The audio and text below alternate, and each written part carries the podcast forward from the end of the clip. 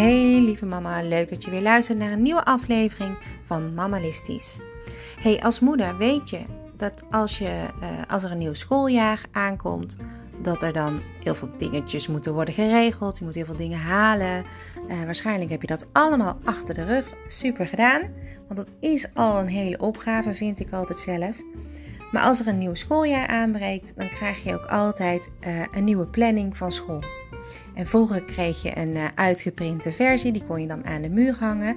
Maar tegenwoordig ontvang je het enkel digitaal. Als het al toezenden, want meestal is het gewoon iets wat je kunt terugvinden in een app of uh, op de site zelf. Nou, ik heb daarvoor vandaag voor jou een hele fijne tip.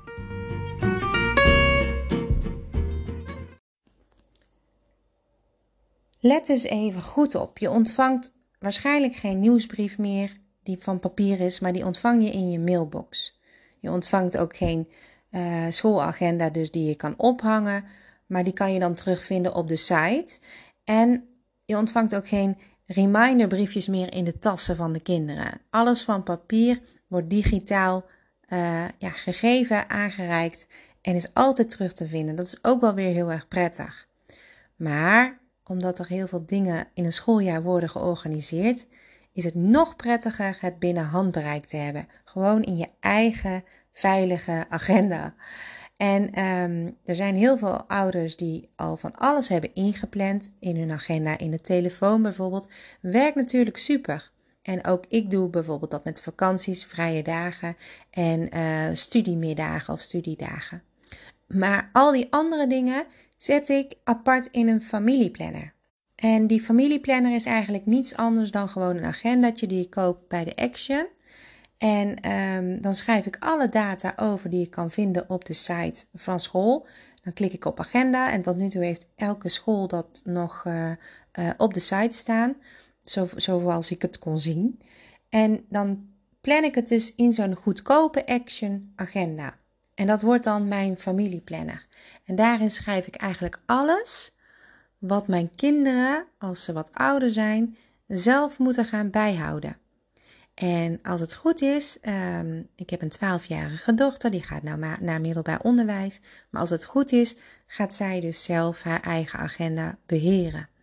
Maar ik zet er nog steeds wel de vrije dagen, de vakanties en die bijzondere dingetjes allemaal in hoor. Maar voor de jongste komen nu de dagen aan waarop ze uh, de gymtas mee moet nemen, waarop ze uh, misschien iets mee moet nemen voor school als reminder. Um, misschien moet ze een keer iets maken thuis. Ze krijgt wat kleine opdrachtjes als huiswerk. Dat schrijf ik allemaal in onze familieplanner. Ik zet daarin dus de vrije dagen, de vakanties, de bijzondere dagen, de reminders en ook bijvoorbeeld de dag waarop je wilt trakteren voor verjaardagen. En dat is iets wat je ook meteen kan doorgeven aan de juf. En die is daar heel erg blij mee. Of aan de meester. Die, mijn dochter krijgt ook een meester. Want dat zijn dingen die vaak uh, op het laatste moment worden doorgegeven. En dan wil ze toch wel van tevoren graag weten. En dat snap ik. En als extraatje zet ik ook een hartje op de dagen dat de jongste mag afspreken. En dat heb ik een beetje uh, bedacht, omdat ik vorig jaar en het jaar daarvoor, dus groep 1 en groep 2, um, steeds opnieuw werd overvallen met de vraag: mag ik afspreken? Mijn oudste dochter was uh, ook heel sociaal en vond het allemaal heel erg gezellig, maar wat minder fanatiek met afspreken. En mijn jongste dochter, die is echt ontzettend van het afspreken.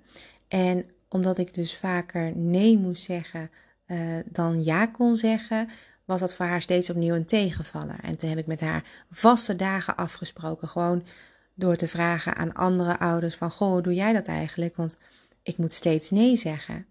En uh, zij hadden één of twee dagen in de week waarop hun dochter of zoon mocht afspreken. Dus ik, ik heb dat overgenomen en uh, ik zet het dus nu met een hartje in de agenda. Elke avond of elke ochtend, wat voor jou handig is, kijk je dus even in de agenda. Um, uh, wat is er allemaal uh, op de planning deze week? Wat moet je nog doen vanmiddag als je uit school komt? Nou ja, op die manier kun je het dan uh, bijhouden. mijn ehm, oudste dochter gaat ook om het weekend naar papa. Dus voor haar is het ook handig om dan te zien wanneer is dat. Kan ze ook weer overnemen in haar eigen agenda. Ik blijf dat maar benadrukken. Ik ben benieuwd hoe dat uh, trouwens gaat. Wat ik heb begrepen, uh, ook van eerstejaars, uh, is dat het voor kinderen best lastig nog is om te plannen. Natuurlijk is dat iets wat je moet leren, maar het is bij hun nog in de hersenen niet helemaal volgroeid. Dus je moet het blijven controleren en proberen niet al te boos te worden als weer iets niet is uh, onthouden of niet opgeschreven. Maar gewoon echt dat proberen te begrijpen. Ze moeten dat leren, maar ze moeten daarin ook nog ontwikkelen uh, ja, in, hun, in, hun, in hun hersenen, in hun brein. Dus dat wil ik je nog even meegeven als tip. Um, in de familieplanner zet ik dus ook de gymdagen, de huiswerkopdrachten van de kleinste, van de jongste, de eurotjes die je moet meegeven als er een leraar jarig is bijvoorbeeld, uh, de verjaardagsfeesten, de danslessen, uh, de sportdagen, alles wat de kids dus later zelf in de gaten moeten gaan houden. Ik hoop dat ik jou hiermee een fijne tip heb gegeven en voor nu een hele fijne dag en tot de volgende keer. En nog een dingetje, wil je dit nou teruglezen, dan kan dat op de site mammalistisch.nl. Uh, ja, en scroll dan even door naar beneden. Bij mijn laatste blog staat alles uitgewerkt en uitgeschreven, zodat je het makkelijk zelf kunt toepassen. Succes!